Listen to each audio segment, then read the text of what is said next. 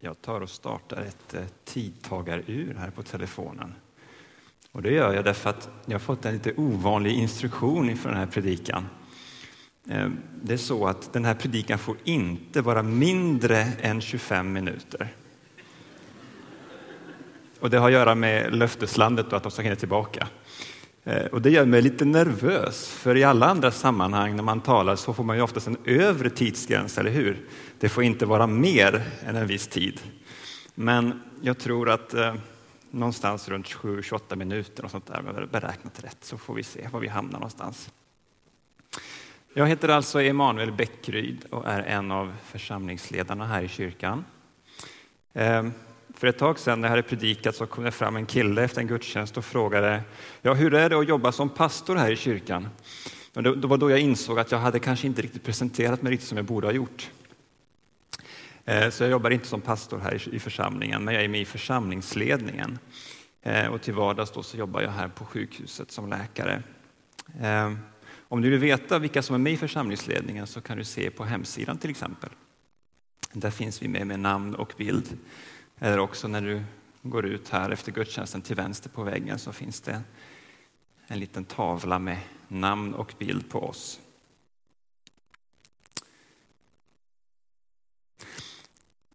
När vi strax ska läsa dagens inledande text så kanske en och annan kommer att fundera på om jag har glömt att det är påskdagen. Ehm, för vi ska nämligen börja med att gå, med till gå tillbaka till långfredagen. Men jag lovar, jag har inte glömt att det är påskdagen. Eh, men vi läser om något som hände på långfredagen från Matteus kapitel 27, vers 1 till och med 5. Matteus 27, 1 till 5. På morgonen beslöt alla översteprästerna och folkets äldste att försöka få Jesus avrättad. De lät binda honom, förde bort honom och överlämnade honom åt Pilatus, ståthållaren. När Judas, som hade förrått honom, såg att Jesus blivit dömd ångrade han sig. Han lämnade tillbaka de 30 silvermynten till översteprästerna och de äldste och sa Jag har syndat och förrått oskyldigt blod. De svarade Vad angår det oss? Det är din sak. Då kastade han in pengarna i tempelhuset och gav sig därifrån, av därifrån och gick bort och hängde sig. Judas, förrädaren Judas. Det finns ju en väldig tragik kopplad till det namnet, eller hur? I kapitlet innan den här texten så, så, kan vi läsa om hur han söker upp det judiska ledarskapet och erbjuder sig att förråda Jesus. Och för det så får han 30 silvermynt. Och senare i trädgården Getsemane så har vi den här berömda Judas kyssen. Han förråder Jesus genom att omfamna honom. Och det finns flera teorier och tankar om varför Judas gjorde som han gjorde, men den diskussionen tar vi inte nu, utan vi fokuserar på vad som står i den här texten. Och då är det ju så att vidden av det han har gjort har hunnit ikapp Judas. Han går tillbaka till det judiska ledarskapet och säger, som vi läste, jag har syndat och förrått oskyldigt blod. Och det struntar de ju blankt i förstås. Vad angår det oss? svarar de. Det är din sak. Och så kastar han de 30 silvermynten han fått. Och så begår han självmord. Han går bort och hänger sig. Ja, Judas, han är verkligen en tragisk figur. Och hans namn är på något sätt förknippat med falskhet och svek. Han följde Jesus i tre år. Han var en av de tolv, han var en apostel. Han var till och med gruppens kassör. Han var någon att räkna med. Och det fanns nog många som var nog lite avundsjuka på Judas. Tänk att få vara en av de tolv. Tänk att få vara utvald, få vara så nära händelsernas centrum, få vara så nära Jesus själv. Och så slutar det så här, i ett tragiskt självmord. Det är ingen happy end. Jämför då med de andra elva apostlarna. De fick vara med om uppståndelsen, om det som hände på påskdagen. Tänk till exempel på Petrus. Han förrådde visserligen inte Jesus, men han misslyckades ändå väldigt tydligt, eller hur? Han hade lovat att dö för Jesus om det så krävdes. Men när det väl kom till kritan så förnekade han tre gånger att han ens kände honom. Jag känner inte den mannen, ropar han. Och sen går han därifrån och gråter bittert som det står. Han var också misslyckad. Han hade också svikit. Men som tur var för honom så är han inte lika drastisk i sitt handlande som Judas. Och därför får han uppleva påskdagen. Han får uppleva mötet med en uppståndne och han får uppleva Jesu förlåtelse. Minns ni den här ordväxlingen mellan, mellan Jesus och Petrus vid stranden av Genesarets Det är alltså efter uppståndelsen och Jesus möter sina lärjungar där på stranden och så utspelar sig det här lite märkliga samtalet där Jesus frågar Petrus tre gånger om han tycker om honom. Och Petrus får tre gånger, lika många gånger som han förnekar det, bedyra hur mycket Jesus betyder för honom. Och relationen blir hel igen. Samme Jesus som bad till Gud för sina bödlar, ni vet Fader, förlåt dem, de vet inte vad de gör. Samme Jesus låter Petrus få känna vidden av Guds nåd. Han dömer inte Petrus, han förkastar inte honom, utan han förlåter honom och innesluter honom. Petrus fick uppleva påskdagen och det som hände därefter. Och därmed fick han uppleva att relationen med Jesus blev upprättad igen. Han fick uppleva det. Den chansen fick ju aldrig Judas. Och jag tror att om Judas inte hade dött så hade han ju också fått chansen att uppleva Jesu förlåtelse. Judas visste att han hade gjort fel. Det står ju att han ångrar sig. Han går tillbaka till de judiska ledarna. Varför vet vi inte riktigt. Alltså, trodde han verkligen att han, att han kunde få dem att ändra sig? Ja, det vet vi inte, men det är uppenbart ändå att han ångrar sig. Och ånger, att omvända sig från sina felaktiga gärningar, det är ju första steget för att få förlåtelse. Och jag tror inte Jesus hade förkastat Judas om den hade kommit till honom efter uppståndelsen och erkänt sin synd. Utan det tragiska är att Judas aldrig fick tillfället. Han kom så nära att få en upprättad relation med Jesus i och med att han faktiskt ångrade sig. Men det blev inte så, för han dog innan påskdagen. Men vi alla som är samlade här idag, vi lever efter Jesu uppståndelse. Och det Judas gick miste om, det vill säga en upprättad relation med den levande Jesus, det behöver inte någon av oss gå miste om.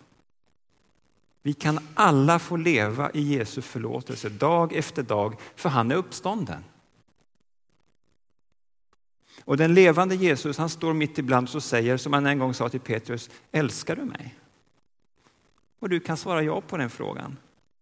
Du kan få uppleva att relationen med Jesus håller dag för dag. Och liksom Petrus så får vi alla uppleva nåden att våra misslyckanden och tillkortakommanden läggs åt sidan. Allt det vi ångrar, allt det vi skäms för, allt det som tynger oss, allt det får vi komma med till Jesus. Han står där och han tar emot vår ånger. Han liksom absorberar den i sin oändliga nåd och så ger han oss sin förlåtelse tillbaka.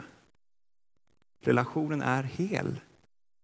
Och idag, på uppståndelsens dag, ja, då finns det skäl att glädjas över det.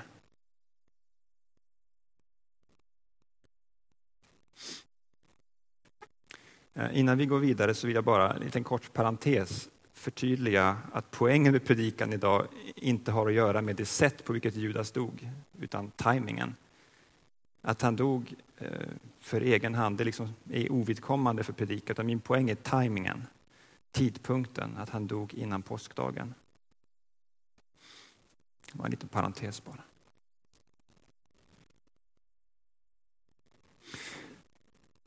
På påskdagens kväll så visar sig Jesus helt plötsligt för lärjungarna. Och I Johannes evangeliet så kan vi läsa, vi ska få upp det på väggen här, Johannes 20, vers 19-22. Vi kommer att läsa en hel del ur den heliga boken. Det ber jag inte om ursäkt för. Utan vi läser nu från Johannes 20, 19-22. På kvällen samma dag, den första i veckan, satt lärjungarna bakom reglade dörrar av rädsla för judarna.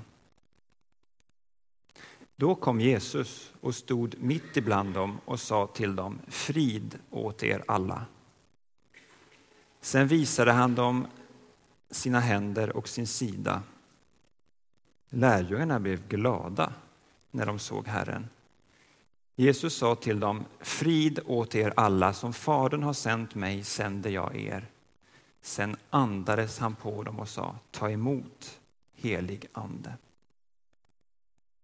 Det här fick inte heller Judas uppleva.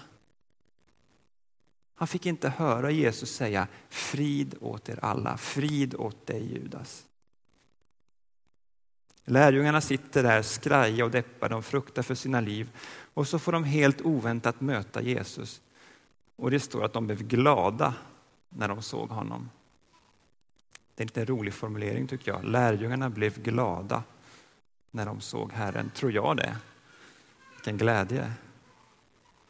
Och det är ju så att en röd tråd av glädje löper liksom genom hela Nya Testamentet. Ja, till och med ordet evangelium betyder ju glatt budskap. Och vi vet alla att livet är tufft. Att det inte finns några garantier. Att det finns mycket sorg och elände här på jorden. Men mitt uppe i alltihop så finns det en djup glädje.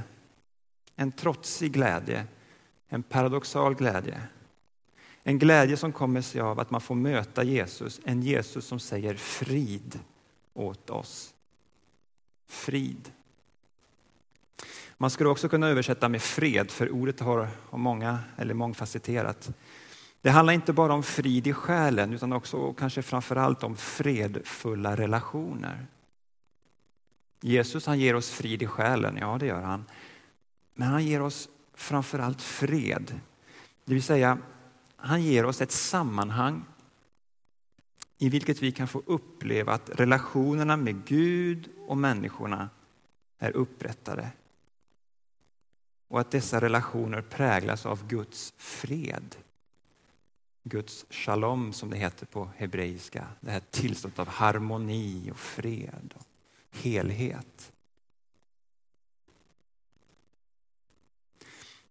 Det kanske är så att du sitter här och kämpar med ångest.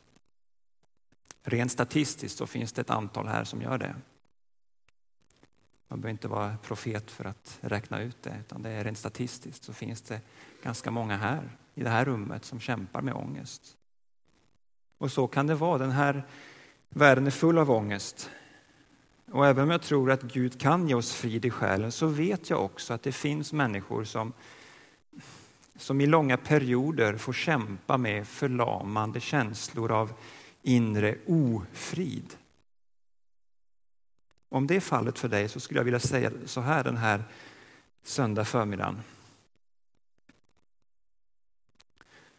Om du har frid med Gud och med andra människor, det vill säga om du inte lever i någon, i någon djup konflikt, utan om fred råder i och runt ditt liv, så har du faktiskt mitt i din ångest ändå en slags djup frid. Det finns frid i freden, om du förstår vad jag menar. Och jag vill på inget sätt förringa din ångest, men jag vill att du ska se att det finns en slags frid som kan finnas där i djupet av ditt hjärta även när ångesten sliter i dig. Friden i att ha det gott ställt med Gud. Friden i att ha det gott ställt i relation till andra människor till släkt och vänner, nära och kära. Frid, förstår du, det är inte bara ett psykologiskt begrepp, utan det är även ett, ett andligt och socialt begrepp.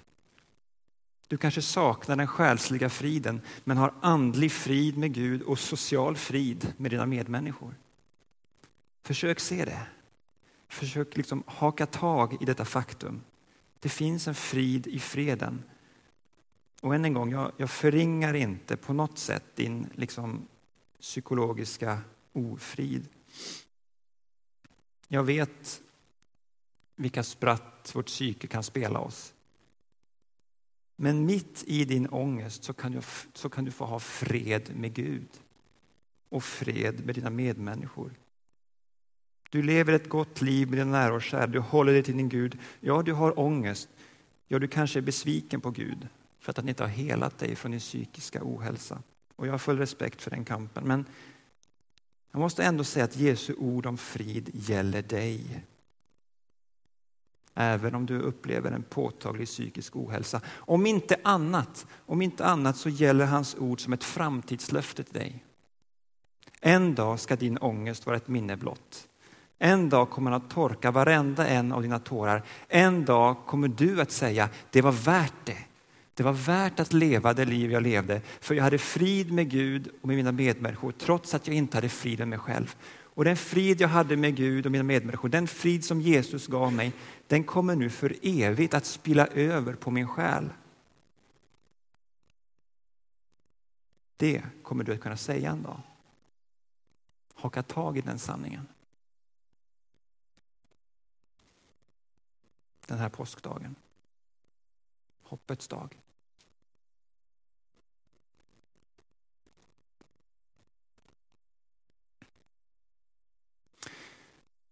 Förmodligen var det så att Judas han var för att man skulle revoltera mot den romerska ockupationsmakten. Han var nog en man som vad ska man säga, beundrade starka nypor och djärva dåd, makt och styrka. Kanske var han besviken på Jesus i det här avseendet. För Jesus syn på makt och styrka var ju inte riktigt densamma som de våldsamma revolutionärernas. Och därför finns det en slags tragisk ironi i att han som på något sätt beundrade styrka och makt han gick miste om den fantastiska kraftutgjutelsen som följde en tid efter påskdagen. Är du redan vid pingsten kanske du undrar Bäckryd? Ja, men redan på påskdagens kväll faktiskt så antyder Jesus att något speciellt ska hända. När han profetiskt och symboliskt, enligt det vi läste för en stund sedan, så andas han på lärjungarna och säger ta emot helig ande. Ta emot helig ande. Jag säger symboliskt eftersom ordet för ande och vind är detsamma på grekiska. Han blåser på dem ta emot helig ande. Och det här löftet återkommer han till vid sin himmelsfärd. Nu ska vi läsa från Apostlagärningarna kapitel 1, vers 6 till och med 9. Apostlagärningarna 1, vers 6 till och med 9. De som hade samlats frågade honom. Herre, är tiden nu inne då du ska återupprätta Israel som kungarike? Han svarade, det är inte er sak att veta vilka tider och stunder Fadern i sin makt har fastställt, men ni ska få kraft när den heliga anden kommer över er och ni ska vittna om mig i Jerusalem och hela Judeen och i Samarien och ända till jordens yttersta gräns. När han hade sagt detta såg de hur han lyftes upp i höjden och ett moln tog honom ur deras åsyn. Ni ska få kraft när anden kommer över er, säger Jesus. Och det här uppfylls ju på pingstdagen och dramatiska saker händer i Jerusalem. Men löftet finns där på påskdagen. Han blåser på dem. Så småningom på pingstdagen så får lärjungarna en energi utan dess like. En förmåga och styrka att beröra omgivningen med de goda nyheterna om Jesus. Här kan vi tala om kraft. Det hade Judas gillat. Han som beundrade makt och action. Det hade han tyckt var häftigt. Men han fick inte vara med om det. Han gick miste om det. Det grekiska ordet för kraft det har gett oss ordet dynamit. Och Judas fick inte vara med om den här, den här explosionen av kraft.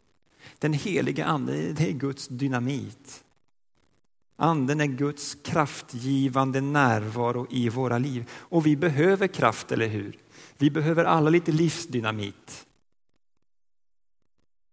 Vänner, vi lever efter uppståndelsens morgon. Vi behöver inte gå miste om det som Judas gick miste om. Den kraft som Judas på något, på något dunkelt sätt längtade efter, den kan vi få uppleva. Den kraften finns att tillgå för oss idag. Om vi ska läsa några verser igen från Efesierbrevet 1, vers 17 till och med 20.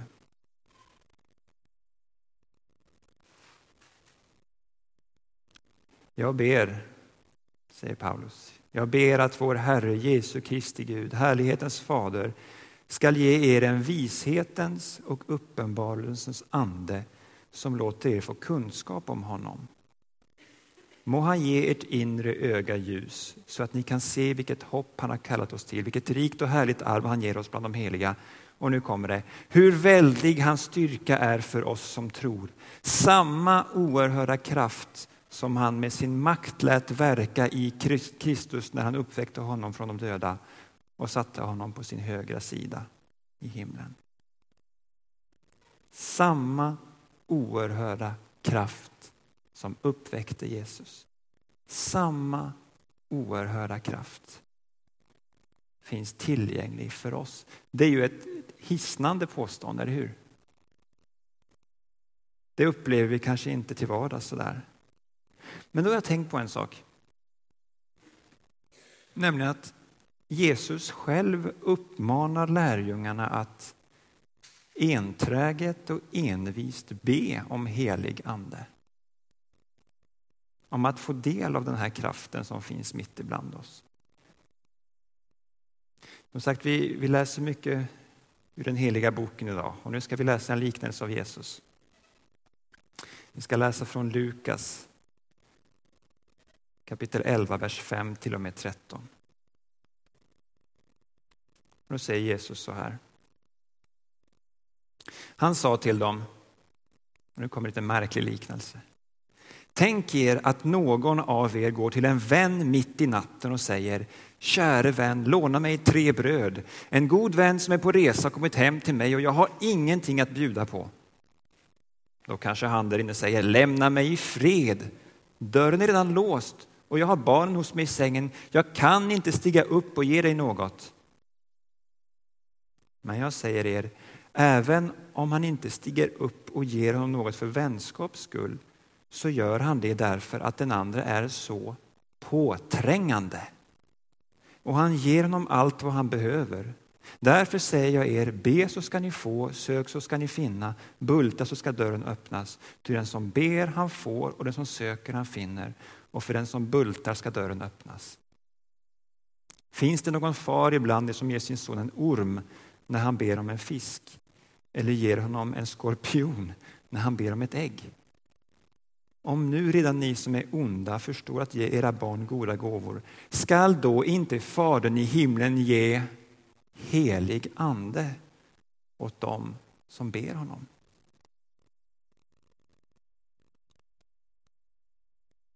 Två nyckelord i den här lite märkliga liknelsen. Påträngande och ande, helig ande.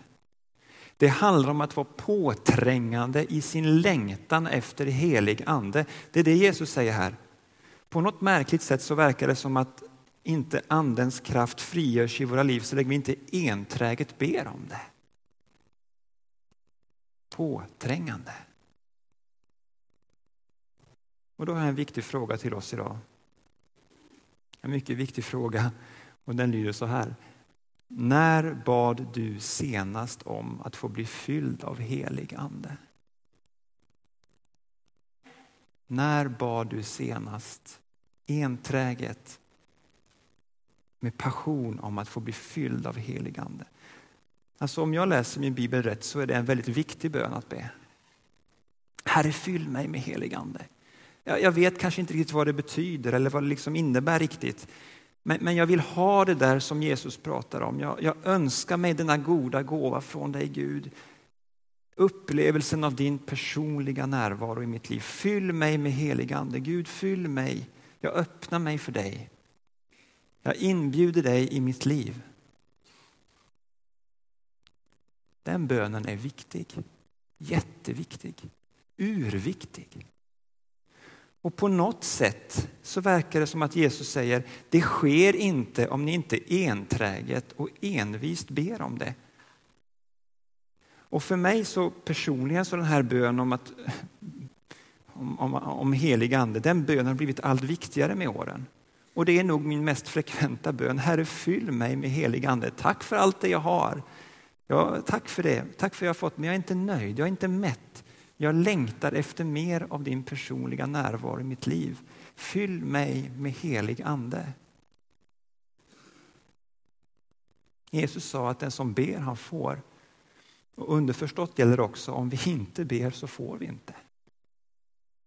Eller som det väldigt krast står i Jakobs brev. Jakob är ju bra på krassa formuleringar. Ni har ingenting därför att ni inte ber.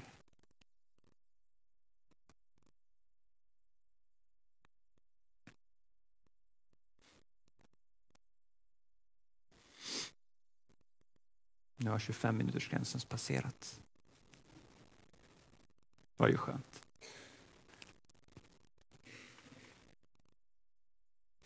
Judas gick miste om mycket, det har vi konstaterat. Han gick miste om en upprättad relation med Jesus. Han fick aldrig uppleva att ta emot Jesu fridshälsning. Han fick inte vara med om pingstdagens kraftutgjutelse. Du behöver inte gå miste om något av detta. Du behöver inte gå miste om något av detta. Du kan få uppleva en upprättad relation med Gud genom Jesus. Och du kan dag efter dag få svara ja på hans fråga, älskar du mig? Du kan få uppleva Guds frid som övergår allt förstånd. En frid som kan finnas djupt inom dig, även när ditt psyke skakas av ångest. En frid som inte bara handlar om psykologi utan som handlar om att ha hela relationen med Gud och medmänniskorna, om andlig och social frid. Och du kan få uppleva mitt i din vardag samma kraft som uppväckte Jesus från de döda. Men det verkar som att den upplevelsen förväntas du be enträget om. När bad du senast Gud fylla dig med helig ande? Det är som sagt en väldigt viktig bön att be och Jesus säger åt oss att be den ofta. Och nu när vi ska fira nattvard strax så kan du i samband med det söka förbön. Du kan söka upp en förebedjare och säga be för mig att jag får bli fylld av helig ande. Jag kanske inte vet riktigt vad det innebär men jag längtar efter mer av Guds personliga närvaro i mitt liv den här påskdagen, den här hoppets dag den här livets dag. Ta vara på möjligheten att på olika sätt be Gud att fylla dig med helig ande. Var envis, var enträgen, var påträngande. Var som den här mannen i Jesu liknelse, han som bankar gång på gång på dörren fast det är mitt i natten och som inte ger, han ger sig inte förrän någon öppnar. Samma oerhörda kraft som uppväckte Jesus från de döda är närvarande mitt ibland oss nu. Tack Gud för att det är så.